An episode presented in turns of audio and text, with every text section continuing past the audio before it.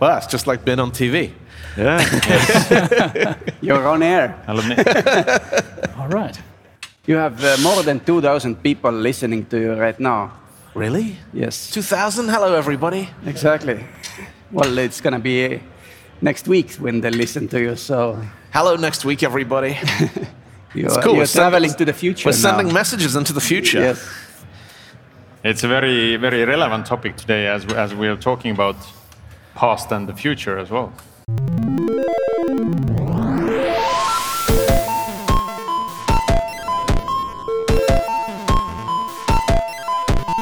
Hello, everybody, and thank you for tuning in to Algorithm.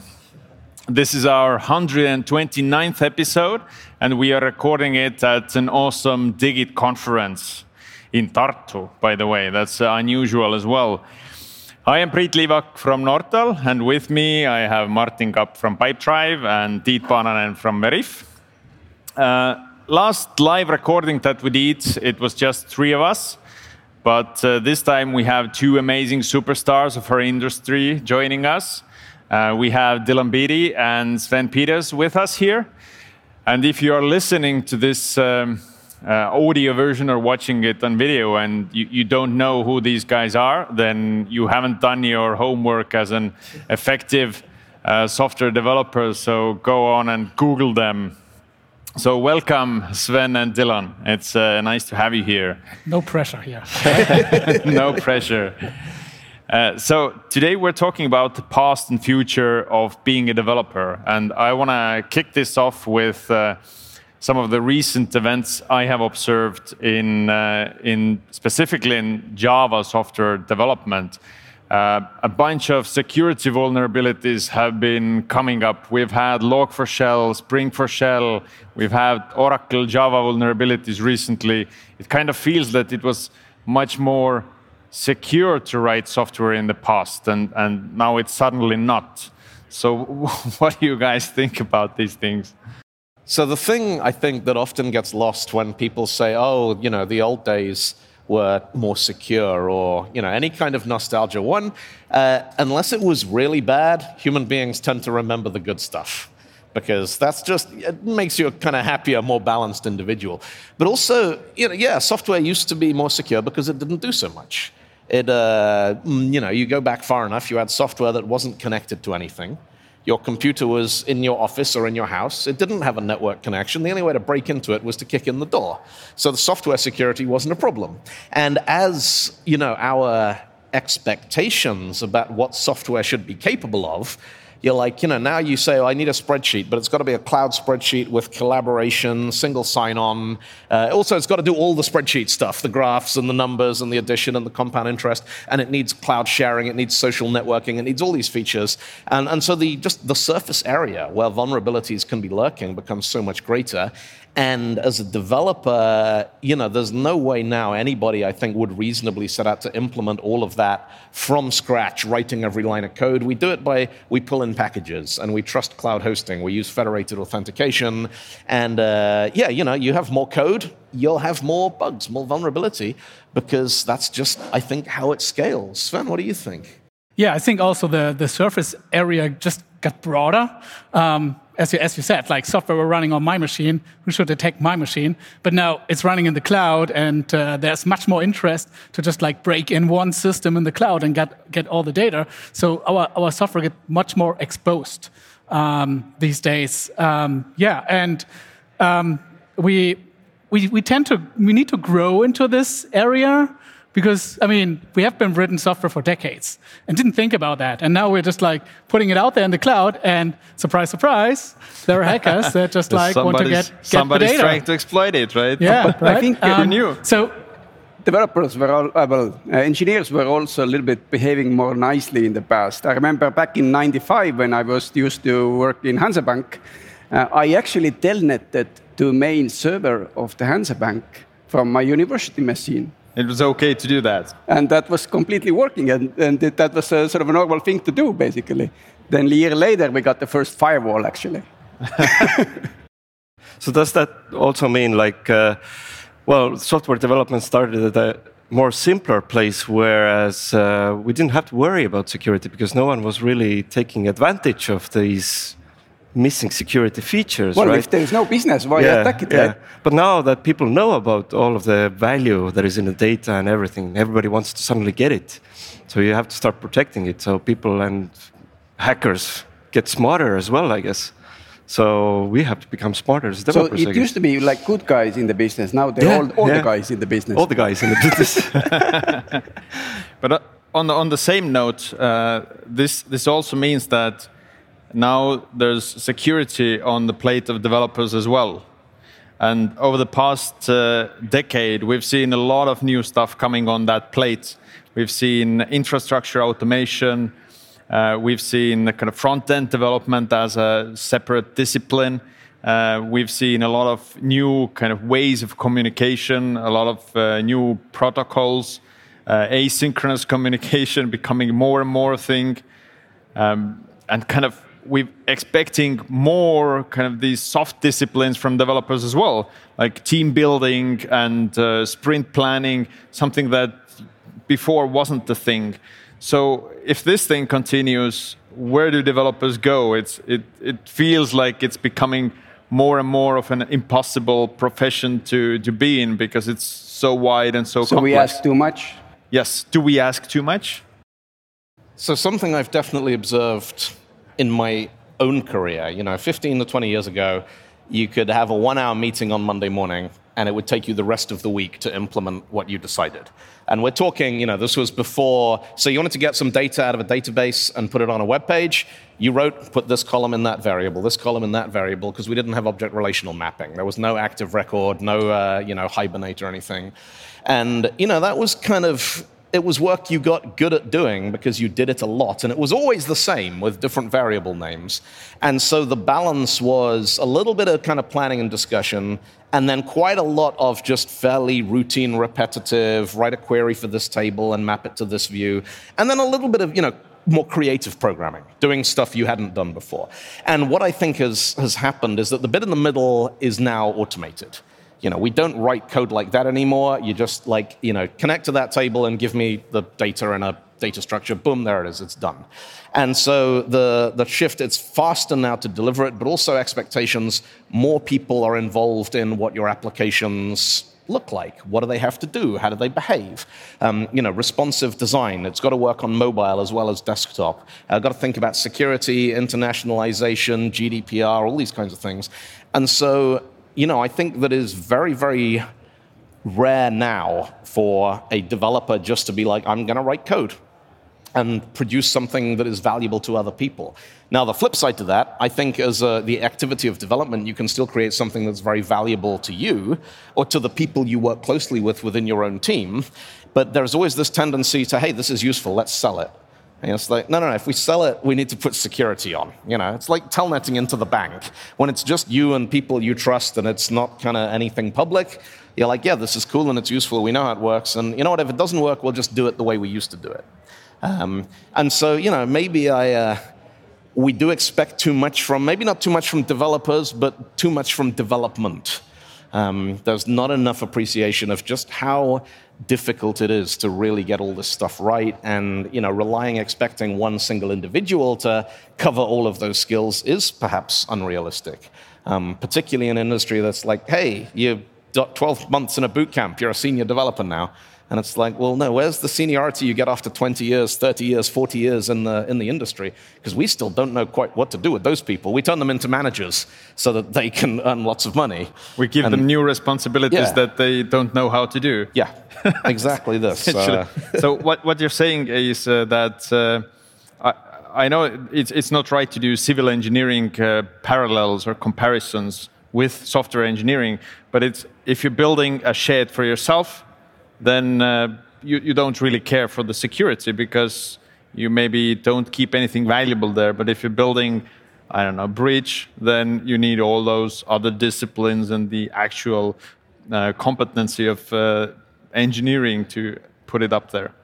Yeah, but also the role of software has actually changed. Um, I mean, how much how much software did, did we did we have just like 20 years ago. And, and now this is all the software developers out there writing software.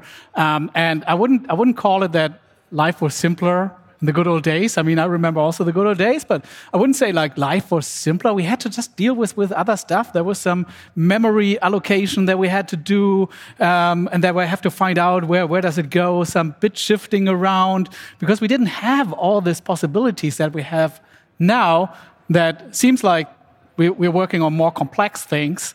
Um, and I agree that it's it's getting more we have more disciplines now. It's not just like writing the code um, and just like see okay how do we how do we are we building our library ourselves or is there something out there? Today everything is out there and you just like grab it and get it and put it into your software and just like make the connections um, to put it a simpler way. But it's, it's that that is probably getting more complicated and we have to just like learn. I mean back in the days i was i was i was actually in university learning that yeah if you if you develop software you have to do it the waterfall way just like writing all the specification up front and then go into your into your box for one year or so and then present the software.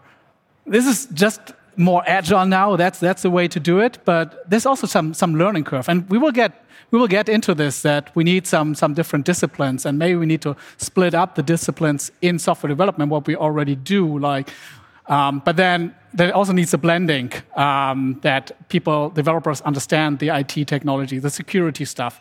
Um, but maybe we, we need to just like see that there are some kind of specialists that are just like um, with, with some overlapping um, disciplines that we have to know about. There used to be a um, wonderful observation about software, which was that you're talking about waterfall, that reminded me. All software development is you write some code, then you run it, then you work out what you did wrong, and then you go and change the code. And if you do that every day, that's extreme programming. And if you do it every two weeks, that's agile. And if you do it every six months, that's waterfall. And if you do it every five years, that's Oracle. And, and if, if you're if you're lucky, like um, your software gets deployed or you, you use the software, but most of the software projects just like were for the garbage can. I mean, they, they never saw the the life uh, of, of users. So you, th this was also and nowadays just like you you build something in two weeks that you just can show to users that you can just get feedback immediately. Um, I think that's getting much better than what we have done in the past. Mm. I think we have some Yes, um, I'm very, very sorry to interrupt you, but um, we have a problem with Slido. Uh, it's unfortunately not working right now, so we'll have to do it the manual way. If the audience has some questions, please uh, raise your hand. We have here people with the microphone who will just come to you and ask the questions like this. I'm very sorry, but we just need to manage it this this emergency. So uh, let's do it manually. No, this, Thank this you. is cool. Sorry. We've been using Slido and Zoom for two years. It's just nice having an audience you can see. If you got questions, just wave, raise your hand. You know, nobody's on mute. It's going to be fine. I, I can imagine what's happening at the war room of Slido team right now. Like, hey, we have thousand events going on and nothing works. I mean, that, you know, that's actually an interesting example. So Slido is a it's a cloud platform that works very well most of the time. But when it stops working, there's nothing that we here can do about it because it's just down for everybody. And so there's one kind of school of thought which says, well, any conference should have its own online question and answer system so that we don't have to rely on the cloud. And then you're like, really? You want to hire developers to do that? Imagine what's that going to do to the ticket price and stuff. And that's the tension is always, you know, how much money are you prepared to spend on owning all of the code for your own solution so that if it does go wrong, at least you're in a position to, to fix it. But now, now we're in a comfortable position of sitting back and just waiting when the Slido comes back. And if you if you have built your business on top of something like Slido and have like uh, business critical process flows going through that, then uh, it's maybe not the best or wisest idea to to put everything on on a startup on, on a business that doesn't serve business critical features. It's just a Q&A platform. Well, I think uh, current thousand presenters who use Slido right now are in huge pile of uh, embarrassment and their credibility gets undermined. So that definitely has an impact to society the, right now. But we're good at least because we have the in-house audience here, so we can do the old old-fashioned way, right? Just raise the hand, right? So it has become more complex to be a developer. Um, so it, it, the platform has become wider. I, I, I, don't know about that. But where does it go in the future? Does it does this trend continue? I have a hypothesis. You have? Yeah, I think actually developers have gone stupid because so much work is done for them. I mean, they don't, they don't have a command on the complete stack, right? I mean, because a lot of things, you know, from infrastructure, computers, memory, whatnot, everything is done for them. So you're saying it's becoming a copy paste culture? I'm not saying that, but uh, I want to hear your views. Are we more stu- stupid because our work is automated?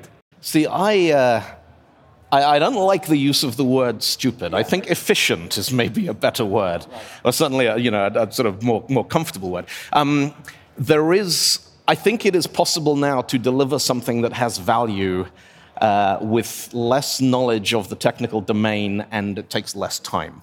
You don't need to know so much about the hardware. You know, I'm, I'm from the, the school, we have this phrase full stack developer.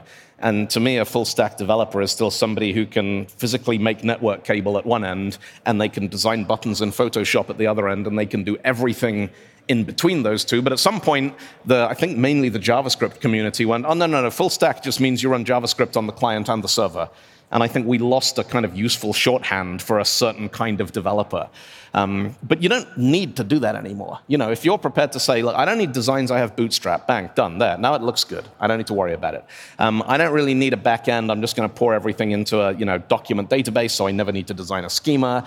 And it works. You know, you can build applications that solve a problem. And I think the biggest um, kind of gap is businesses understanding how long is this going to run for before it blows up in our face? You know, is this going to get us to the end of the week, or should we be putting this into our five-year plan? So there is an expiry date on each release. Yeah. You know, that, that's an idea that I think software, we've always, and this is our own fault, we went around in the 80s and the 90s going, look, we can automate your entire company. And then you can fire everybody and run your whole operation by just pushing this button. And we never told them, oh, yeah, you'll need to get us back next week to change the button, and the week after that, and the week after that, and the week after that. And, you know, the notion of expiry dates and software just, you know, um, going off, requiring active maintenance is still why are we still paying people to run this software? You told us it was finished. And it's like, well, no, it's not really ever finished. Uh, and that's maybe something where it's about bridging that, that gap in understanding. What, what do you think, Sven? I'm, I'm just I'm just getting reminded of um, that it has actually always been that way because I, I have heard people saying, you know, my son can build that on a weekend, um, just like by his PHP knowledge, and uh, you just like say, oh, what the yeah. You can of course put something fast together, and maybe this is also just like what we have right now because we have all the services at our fingertips, right? Uh, we can just like machine machine learning algorithms, just throw them in into the mix. Um, everything is there on AWS. You need a time series database, grab it. Um, that makes it, for the first, maybe looks very simple to build something, but as you said, like making it sustainable, making it scalable over time. Um, that is something where we, you really need software engineers to think things through and to design it from the start up. Like know what you want to have in mind. Maybe you, you have a service that just lives there for three or four weeks. Fine, just like throw it together. Don't think about scalability or anything. But if you know you want to build your business on that, make it make it more sustainable. So it's easy to build a, a web page with a cat image, like you showed at Oh, your yeah. keynote. But go, going a step further, It's that's just very hard to sell it. That's the problem. But I, I was just thinking, like, uh, does it, what does it mean for, you, you know, we're talking about different specializations. It feels like because the developers they can't know everything. The full stack is too big now if we compare it to what you were describing, right? So the full stack gets smaller. Do, do we need more specialized developers? What does it mean? Does it mean that the, the developer work is getting more boring, more into silos of different types of developers, or what does it actually mean I, like, I in the would actually future? challenge you uh, on the if you don't fight complexity, it will grow. yeah. Clear, right? Entropy, basically. Yeah. So, But do- do we if have you to start are the finding full stack developer in- in the company, then limit, make it simpler, make leaner, cleaner. You know, frame, make decisions what you use, and all of a sudden you are well-functioning full stack developer in that frame. deep. And- That's so complex. Oh, well, uh, it, probably execution of it is pretty complex. Yeah. Yeah, and also I think it, it becomes also a people problem, right? Maybe you have someone who is interested in this, and someone you need to build some a, a team around a, uh, your, your product, right? And it needs to be cross-functional because there are so many different disciplines in there, um, like IT, security, design, um, and they all need to work together to build this beautiful product that you want to build. Um, and then there are probably people that are feel more comfortable in in doing one thing than the other thing. Um, at the end, everything just needs to lead to this to this product that you want to build, and everyone needs to understand what you want to build to just like in concert build the stuff. So, um, so, so you need these different disciplines and the different kind of developers or um, designers or whatever you need for, for building the product inside your team to build the right stuff. In, in my mind, it essentially boils down to the uh, inner motivation or inner burning of these developers to actually build that specific product they're working on. Because in the past, uh, it, it, feels to me that technology itself was uh, so interesting, so engaging that it was sufficient. I, I didn't uh, need to have a certain kind of business understanding for what it was for. It was uh, sufficient for me to build something big that was used by so many end users and now it's, it's become something entirely different. We need to we need some purpose we, we don't just want to build another stack of microservices. Yeah, I was about to raise the point of like creativity from a developer's perspective. Like, let's say in the 90s, where you were more closer to hardware, you had to find solutions to combat these memory limitations, for example, right? So you have you're presented a, with a problem, and you find to have to find creative ways to overcome those, right? Uh, but now the creative solutions are in other places, I guess. So that that's also something I guess that might change in the future. Like you have to be interested in what you're doing, right? Then you're getting motivated, and then you wanna be a developer. But what is it that will make future developers want to be developers? And there's something that I've I've thought many times, and I've said to many people, is that I think you want three things in uh, your job or your career, whatever you do. Is you want technology that's interesting in its own right you want problems that are worth solving, and you need to be kind of getting paid enough that you're not worrying about the money. And that way, on a really good day, then you have all three of those things firing for you. You're interested in the tech, you're interested in the problem, and you feel like you're getting, you know, good rewards for your work. And then, you know, maybe one day one of those things isn't right, and you're like, you know what, I'm not actually enjoying working with Dynamics CRM very much, but I still think the problem is important. So I care about building a good system for the people. Other days you're going to be like, you know what, the people can go to hell. I don't care. But hey, this is actually still pretty good, and they are paying me. And if you get to a point where you only have one of those things left, that's the point where you start looking around and going, I don't care about the tech or the people, I'm only doing this for the money or I'm not getting paid enough and the technology sucks, but I like the people. Because then you're kind of one thing away from burnout from not caring at all about what you do anymore. On and, the edge. Yeah, and I think, you know, it's just once in a while just checking, like, how many of these boxes am I ticking with the work I do right now? Um, and, you know, there's a lot of, uh, I'm as guilty as anybody at various points in my career. Somebody has come to me and said, could you build us a, I don't know, build us a login system? Because no one ever built a login system before. And I've been like, yeah, you pay me, I'll build, and boom, you know, I build a login system. And I'm thinking I can fix everything that I hate about every login system I've ever used. It's going to be the best login system. You know how many times I've done that? It's got to be like five or six, just me. And, you know, that's, it's reinventing the wheel. It's maybe kind of, you know, there's a couple of specific details that would make it a little bit more complicated to just integrate something, but it's fun. And it's also, uh, it is fun solving a problem that you, or building a solution to a problem that you understand well. Because I think that's where the, the, the element of craft comes into it. And you're taking pride in, okay, I'm going to take all the mistakes that I made last time, I'm going to do it again, but this time I'm going to make it better. And that's a very kind of tempting and attractive thing. But I think the net result is there's 200 million billion login systems out there in the world. And every day someone's like, can you build us a login system? And a bunch of developers are like, yeah, we'd love to do that.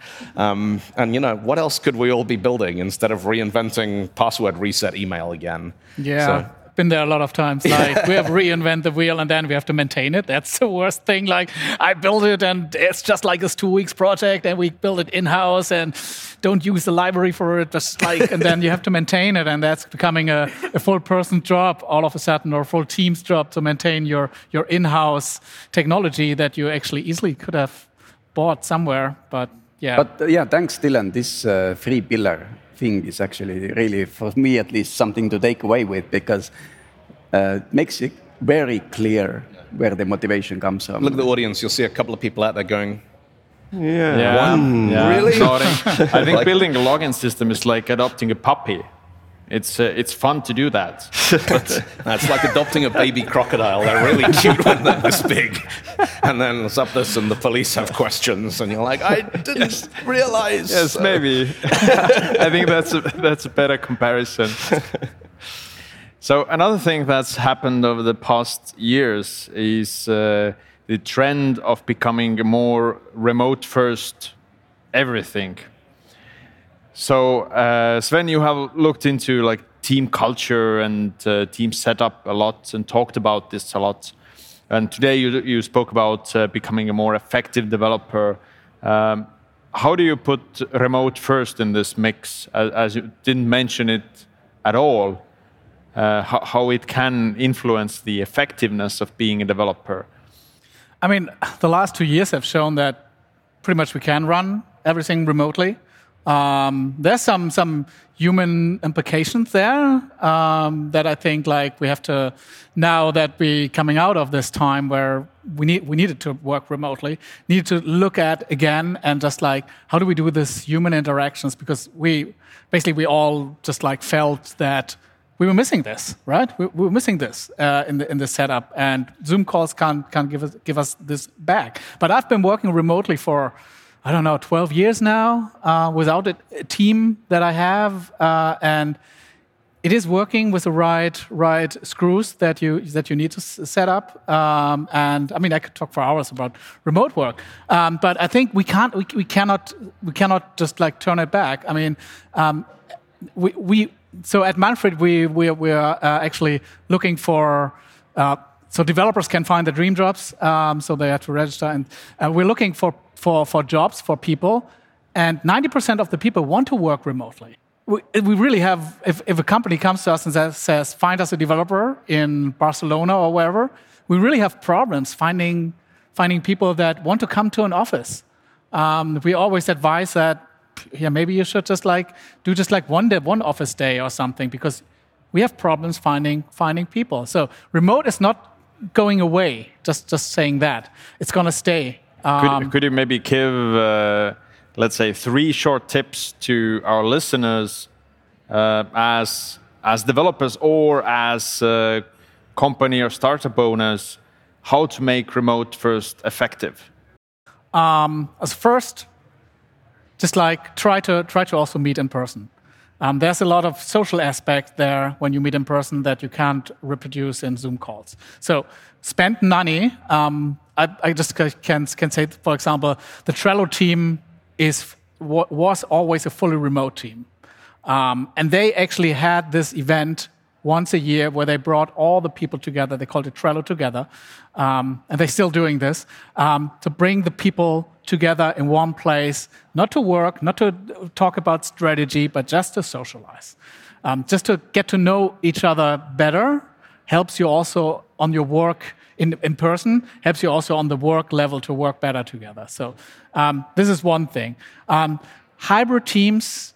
I'm a little bit like this is this is hard. If people are in the office, say five people are in the office, two people are remote, or the other way around, it's just like hard because there's office conversation going on and you want to avoid this.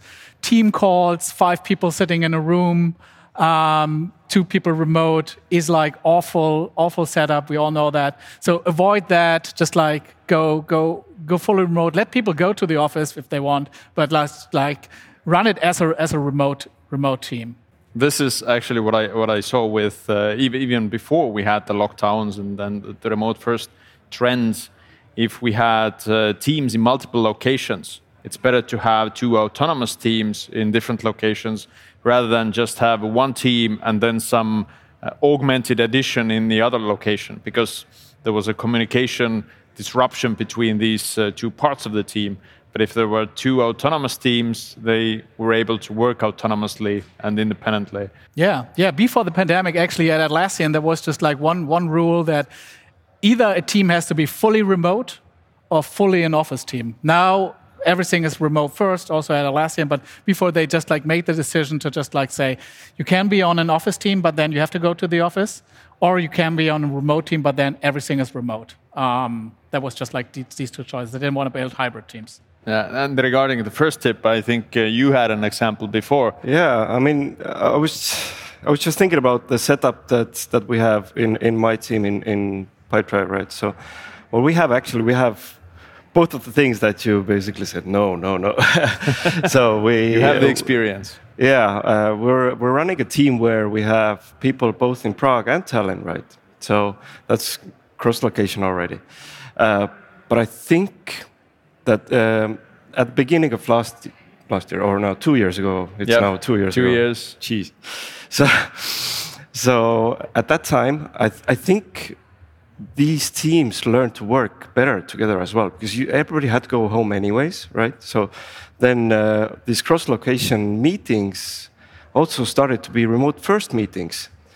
But then now that it's seized up, uh, as you say, you can go to the office, but essentially the cross-location team is also a remote uh, uh, first team. So I think there's like something that we had to just try out and see how it works um, it's worked for us, and and the, I think the binding factor for us is like the passion in the area that we're working on. So every morning we have stand-ups uh, in Zoom first, obviously, always.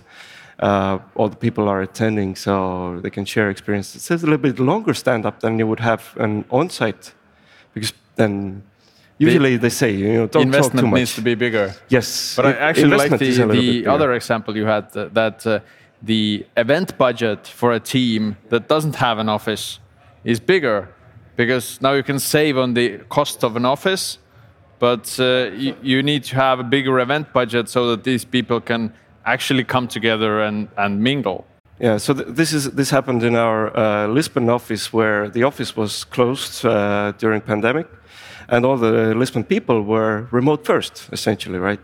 But then you have all the office maintenance budget that can go into team building, which is which is actually could be comparable. Uh, yeah, I was thinking to drill down into async co collaboration, basically. So I mean, we we all used to some rituals, routines when we were in offices. Maybe some people were remote, somebody was in another office. We sort of accommodated. We got into sort of a comfort zone with with collaboration, and now boom, everyone are remote, and we I think, well, at least what I've seen is that it's really hard for people to accept and uh, sort of uh, recognize that a lot of work is becoming asynchronous.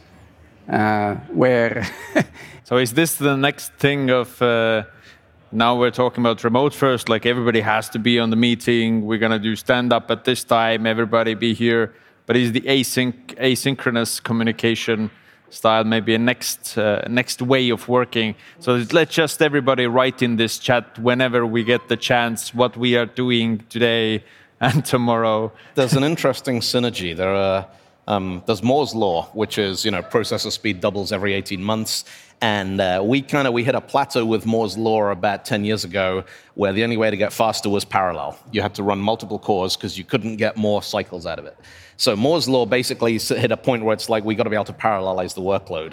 And uh, Amdahl's law, uh, Gene Amdahl was a chip designer at Intel, and he came up with this law about you can't parallelize work with monolithic workloads in it.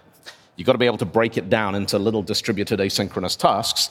And then Conway's law comes along and says, well, your software is going to reflect the structure of your team. So if your software is going to have distributed asynchronous workloads, you need a distributed asynchronous team. And so, you know, it almost you can prove from first principles that the most efficient way of developing modern software is to have a lot of people, they're all distributed, they work when they're available, and uh, you know the work items, the work that needs to be done, should always be captured somewhere in a way that whoever needs to, they can pick it up, they can work on it, and they can put it back without needing lots of people to keep having meetings to get everyone up to date. Now, that's difficult. You know, it's difficult building software that works effectively that way. It's even harder building teams that work effectively that way. Um, but if you get it right, you know, I think that eliminates an awful lot of the, the challenges around things like uh, remote first. We have a question. We have a raised hand at the back. Yeah, Dylan, uh, uh, just before that question, I, I think it's uh, it's like winning in a, uh, with a lottery. So it's like if you get it right, you're gonna be really happy. but but it's really difficult to get it right, right? To get those numbers. So uh, let's. Yeah, sorry to interrupt. It was really interesting to hear about the base principles. But uh, what immediately popped into my mind was in agile uh, workloads, uh, what happens really often is that you have to iterate uh, multiple times during a day with your ideas. And as a developer, it means that more often than less often you have to actually uh, get in contact with your product owner or whoever or not who can actually give feedback on those thought iterations so if we are working in an asynchronous way uh, how should we try to facilitate for these kinds of uh, fast iterations then? Because I see that there is a kind of a scissor here that in one way, in uh, uh, one regard, yes, uh, asynchronous working is the future, but on the other hand, it seems to kind of hinder the fast iterations as well. So I think the, in a nutshell, the important question is how do you collaborate without it being a meeting? because the perception is that meetings are where everyone stops working and they all have a meeting. And that's the stuff where you need everyone to be on Zoom at the same time, or you need everyone in the office at the same time. And, you know, I think there's a reasonable expectation that if people are working together on something on a given day, then they're available and they're communicating. But that communication should not be a blocking exclusive activity that means you have to make all the decisions now and then you have to go away and implement the decisions, and then you're like, oh, we didn't decide this, and then you need to stop work and go back and do that again. Um, and again, you know, that's, I think, your, your point about when uh, social activity, that means you know people. It means you've got a sort of better understanding of their character and your working relationship, which is very difficult to establish purely, you know, online and remote. A lot of the people I know who've really struggled onboarding are like, we had 100 people and then we hired another 20 during the pandemic who've never met any of their teammates in person. And it's like, you know, you get almost like an us and them mentality. There's the people who know each other, and then there's the newbies who they've only met online. But I think once you have that, uh, you know, part of it is about a mutual respect. It's about good people acknowledging each other's strengths. And, you know, how immediately do you need feedback? Can you push something, put up a Slack going, hey, take a look at this, and then, you know, take 15 minutes. Walk around the block, get a cup of coffee, you know, play with the dog, and then come back. Okay, cool. And if you need to, you can just jump on a call or do a screen share, those kinds of things. Uh, I think it's just, it's understanding that this whole spectrum of collaboration styles exists from the all company meeting where everyone is in the same room all day through to just people dropping comments on, you know, look at the way open source on GitHub works. Um, you know, most open source projects do an awful lot of shipping without really having very many meetings. But they still figure things out and they still get stuff done. They just do it in a way that has a very different cadence to, uh, to I think, what managers expect out of staff that they're paying. And maybe that's another issue where there's a lot of uh, opportunity to kind of re-examine some of this stuff. Uh, yeah, yeah, uh, it's it's great that you actually mentioned this open sourcing stuff because uh, a few years back uh, at a conference I was sort of like enlightened by the topic of inner sourcing, right? So that's bringing the open source principles into a company internally, right? And actually, this year we're, we're trying to actually uh, adopt some of these principles to make it work. Um, well, we have now like what two, 200 plus engineers, different kind of teams. Uh, so between teams, there's always a, an overlap of work as well, right? And, and some sharing. So what we're trying to do is adopting those principles so that they, we're not blockers for other teams rather than you know trying to make these open source things work that they, if they need to they can contribute. We uh, encourage this uh, we we can do all sorts of all sorts of collaboration but it ha doesn't have to be super strictly synchronous right? Uh, so I think there's there, there's some some ways to take away from that as well because um, the, the bigger we grow, the more autonomous the teams have to become as well. And how do these big autonomous teams synchronize if they're even in different locations of the world, right? It has to become async, right? Yeah, I feel I feel like um, work can be asynchronously. Uh, we, we can make it happen. We can just like we need to work on it to just like make it happen. The social aspect can't be. Um, we need to just like brainstorm together. We need to just like meet together and just like tell our stories of the day, what happened, frustration, blah blah blah. Um, this can't be asynchronously, but but I think the uh, the, the work that we need we, we can work on this. Um, there are so many possibilities, uh, technology that can help us. We need to make it as synchronously as possible, so people can also jump into their zone and don't get interrupted. We, I mean, even in the office, we hated it when people came into our office and just like tapped on our shoulders and said, going? "Hey," and then you're just like, "Oh, I was just like into something," um, and. And when no, no re- matter what, if it's remote or in the office, it's like we need to work on this. And then when you really need to solve some hard problems, the boss says, Right, come on, everyone, we're getting out of the office for the day. And it's like, you pay for all this real estate, but actually, when we have difficult problems, we go somewhere else? Really? Um, there's one interesting idea I just wanted to add, talking about you know uh, teams being asynchronous and autonomous and stuff, which is uh, we are talking earlier about what do we expect developers to know, and the one thing that you know I wish everybody working in technology understood on some level was the idea of you know user experience design and what is it like for someone trying to use your solution? Because you know there's a lot of thinking in tech is like well we have a ux team and they design the product and make sure that it's easy for customers to use but then you've got all these other silos of expertise you've got the you know the designers you've got security you've got infrastructure and you know, if those areas of expertise were like, well, actually, we want to turn our expertise into a product. You know, the, the best example is this is the difference between you've got some front end developers who they need to make up a new page or a new form, and they need to know what it looks like. And in the old school thing, what they do is they go to the designer and they're like, hey, can you design us this form? And the designer goes, yeah, give me a couple of days and Photoshop and Figma and InDesign or whatever. And then they're like, right, here's the design. And then they're like, okay, now we can go and build it. Um, but you kind of take a, a step more mature than that. You have a design system. So the designers have said, these are our standard components and this is how you plug them in. And uh, you know, you want to look at how big engineering organizations, you know, Facebook, Google, those kind of, how they maintain visual consistency across all of their products. Um, they don't have one person pushing Photoshop really, really hard, or even a team. They have a design system which is a product, like the you know the inner source thing. It's something you need to a button you go and get the button from the button repository, and that's it. You use that as if it's a product. And uh, you know, security libraries, people provisioning internal infrastructure. You want to spin up a prototype or a test server. Do you need to file a ticket and wait, or is that something that you can just go ahead and do? And I think once you start thinking in terms of preemptively unblocking people before they get to the point where they'd have to ask for something, that can free up a lot of asynchronous So th- collaboration. this is essentially using technology to decouple teams. So take a design team and you decouple the rest of the teams by figuring out the design system so that other development or engineering teams can can figure it out themselves. They're not coupled to that engineering uh, that design team anymore, and design team can take uh, these things to the next level. Which makes software development even more complex again. because I mean, we need to understand design too, and it's like not just placing a button somewhere. Often the time, Yes. we need some some more stuff around it, and that puts more stuff on the. Which which I'm saying it's fine, it's great, and we should should do that because we need to understand more than just like writing lines of code. Um, as, as I said before, we need to understand the problem too. Um, but yeah, it, it makes it a little, a little bit more complicated again. It's definitely not transparent throughout these different uh, types of teams. Let's put it this way, because that's sort of what we have.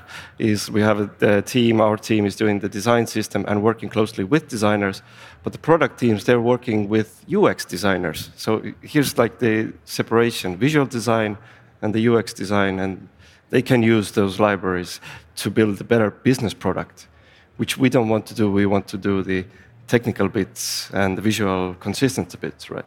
One of my favorite uh, development platforms ever was Windows Forms in .NET because you know you could do great user experience with WinForms, but you never had a meeting about what color the button was going to be. Yeah. Yep, because the you had button is themes. gray Yeah. because that's the button and that you know that that's the difference between visual design and ui and you know a sufficiently mature design system you don't even have that conversation. And if your company's decided that they don't want the buttons to be gray well you know can they give you something that is that easy to use that you're just like i need the button. I know where it goes. I know what it says. I don't care what it looks like. I'll just use the standard one. Recently, there was a, a quite good meme about uh, Steam's uh, lack of design system. Like each of their buttons looks different for some strange reason. Uh, uh, did we have a question back there again? Yes, it's me again. hello again so um, I heard uh, multiple really interesting topics going through, like briefly, uh, such as uh, like uh, separating concerns, uh, bringing IT probably closer to business, uh, diminishing uh, skill sets of developers, etc., etc. So. Uh, according to my knowledge, as long as there has been uh, corporate IT, there has been an attempt to uh, bring development closer to business, uh, which has led to multiple attempts of uh, creating languages that the business users can actually use themselves. Uh, and uh, also creating development tools that are completely alien to developers because uh, their or- original intention was to be used by business users. So one of the more recent developments in that field has been uh, AI-generated code, uh, where basically a developer just gives a hint to the machine what uh, needs to be achieved, and the machine generates code for that. Uh, so it seems kind of like uh, futuristic today still. But uh, what are your thoughts? Is actually this kind of business merging with IT and maybe future developers being from business completely even possible? So will AI generate a lot of simple code and the hard tasks are given to developers in future? So uh, let me start with the thing that I think is, is a definite net positive is effective code reuse. I've seen so much code in my life that somebody wrote because they didn't know that we already had that solution. You know, within even within single projects where I've had two developers have implemented the same thing, and of course, you know, with open source that's even bigger. And something like uh, you know GitHub Copilot or AI systems, I think they can definitely solve the problem of hey, did you know this already exists? And that's good. You know, that's really good. I think then what we need to do is to encourage developers to be more critical of, and you know, this is not necessarily about pulling in packages. I like the idea that it sketches the code for you instead of pulling in a package. Um, you know, because there's a this sort of tension in software. I need to do JPEG compression. All right, well, there's this, this package on NuGet or NPM uh, that does JPEG, PNG, bitmap, TIFF, SVG. It's 150 megabytes of code. I need one feature from one library, but I'll install the whole thing, and then suddenly there's a vulnerability you didn't know about in the PDF renderer. Um, and, you know, I, I like the idea that the code you ship to production You've actually seen what the code is, but maybe you didn't have to write it, or certainly you didn't have to design it. And so, you know, I think Copilot going, look, hey, this is an LZW decoder. Uh, take a look at this, figure out how it works, but at least you didn't have to write it yourself. And, you know, I think that coupled with the reasonably rigorous testing strategy is a perfectly good way to write code and ship it. Certainly, it's not any worse than what we're doing already. Um, I think the difficulty is uh, you aren't gonna, people aren't going to notice bugs.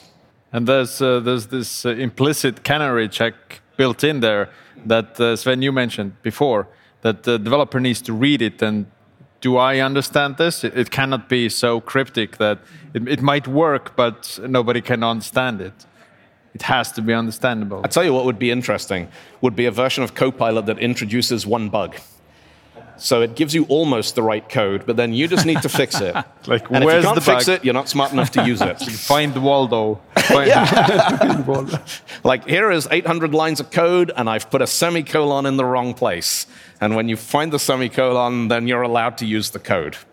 So I it find doesn't it- work with HTML, of course, because I found it tempting to just like let the machine write the code uh, and just like throw throw my business logic or problems into the machine and let them let the machine write the code. But I'm, I'm I also had the slide of the grumpy developer uh, in my in my slide deck, and I'm maybe a little bit grumpy because actually, uh, my, my one of my first job interviews, there was a company that was just like, "Oh, we have these building blocks, and you, people don't have to write software, and they just put together these building blocks, and then the software gets generated automatically." Uh, and that's 25 years ago, uh, and I think we figured out that doesn't work. Um, also, just like putting blocks, UML diagrams, translating it directly to code. We all have been through this. It, it didn't work. I, I mean, I'm curious to see where this ends, but I'm a little bit like on the grumpy developer side that says, oh, seen that, done that. Um, maybe. But today I had an uh, interesting discussion, uh, kind of raising a question: Would it would it work in the beginning? Like if we we are starting up, we just want to validate our business idea can we just then use these drag and drop tools to figure something out? I mean, low code, no code stuff. I mean, you can do, you can sail pretty far, you know, with this stuff. But it's important to understand that once once you get big, then you need to rebuild everything because this thing just and it's easy scale. to rebuild because its spec is written already. Yeah. yeah, As, coming coming back to the my son can build it on a weekend. Why did it take a month for you? Right. The, the, the same thing has been there for a while, right? But it's it's it's a bit difficult for developers and especially business owners to understand that you have to be ready to rebuild or rewrite your stuff, and this is how you. It's effective to develop, in, in my opinion. And you can totally mess up that as well. I mean, you the, can, the issue just that the Oracle Java had, they, they it was an implementation that existed, and they rewrote it in Java, and they made a bug by doing that just by missing one, uh, one expression, one condition that was in the original implementation. For some reason, they didn't add it. They just thought, ah, no need. That's the bug. So I guess here's where we can see like the big success stories when they evolve into the next stage at the right time. The timing is really important, right? If you do it too early, you're wasting too much effort into building something that already exists. If you do it too late, then you're gonna have a huge backlog of like uh, things to migrate, fix, and re-implement. Right. So the timing is actually pretty key here. But like, who's to say? Like, where where do you get that part? Like, it's that's. There was a. at some point, I, I encountered a business strategy generator online that you just enter words. Maybe you need some yeah. timing generator. Is Maybe, the time yeah, right? Yeah, Is the time right? Something in monitors. All right, all right. You're nearing 50,000 lines of code in a single repository. Maybe it's time to get a new architecture. I was more thinking like about that. random, but guys, I want to open a, sort of a one one more chapter for you here. So, for some reason, some people think that they can't be software developers. Did you say they can or they can't? They can't be. Okay. For whatever reason, and probably there are reasons why most people can't be software developers. Do we have more software developers in, in future as a demographic group of the population? I think it is, uh, and I realize I'm saying this from a panel full of European white men. Um, the craft of software development has very much been defined by the people who decided that they wanted that to be the thing they were good at.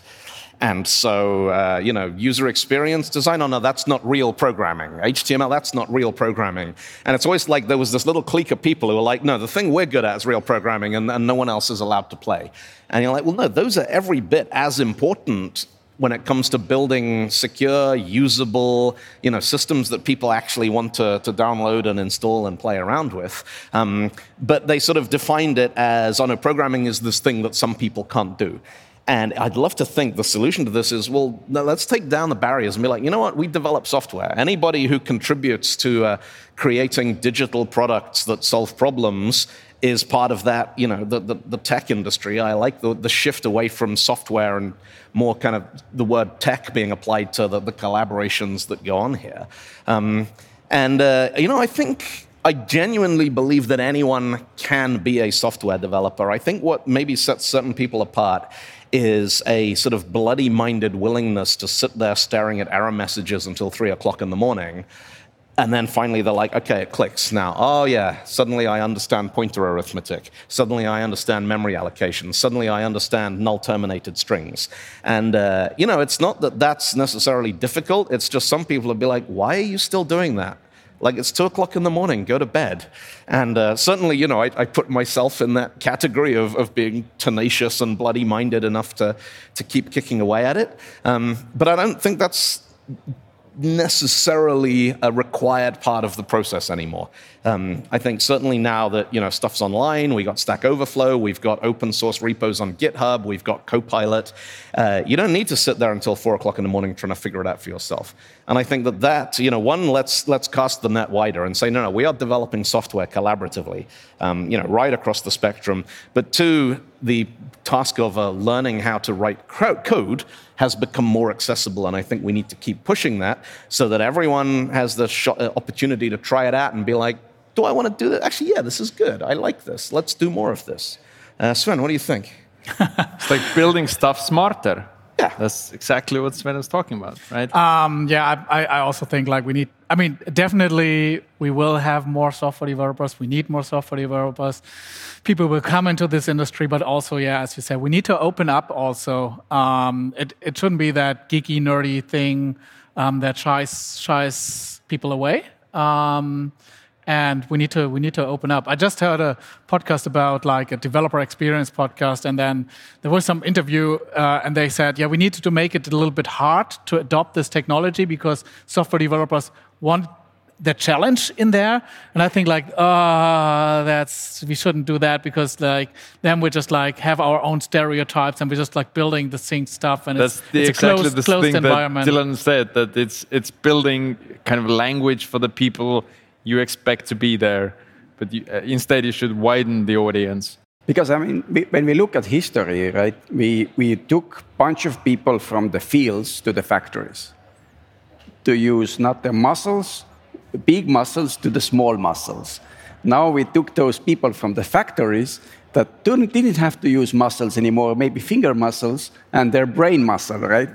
So, I mean, these transformations have happened. So I would imagine Right now, uh, as an office worker, I create documentation and communication.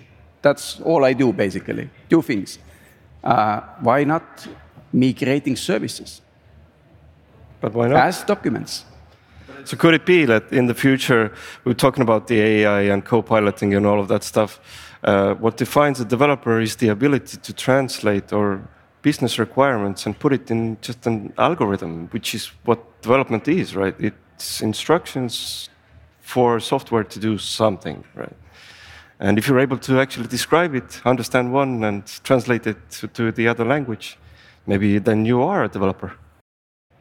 Uh, I, I, think, Dylan, you have tried to, um, I can't say lower the barrier, but change the barrier by uh, writing the Rockstar programming language so that the people who, who are maybe creative in that way can enter the, I think there arena is, uh, of development as well. So I, th I, think there is enormous value in things which are clearly useless as a learning tool. Stuff that, uh, so those of you who don't know it, Rockstar is a programming language where all of your programs are heavy metal songs and uh, you can write uh, programs that rhyme and you can actually sing them. I've done this at shows and things.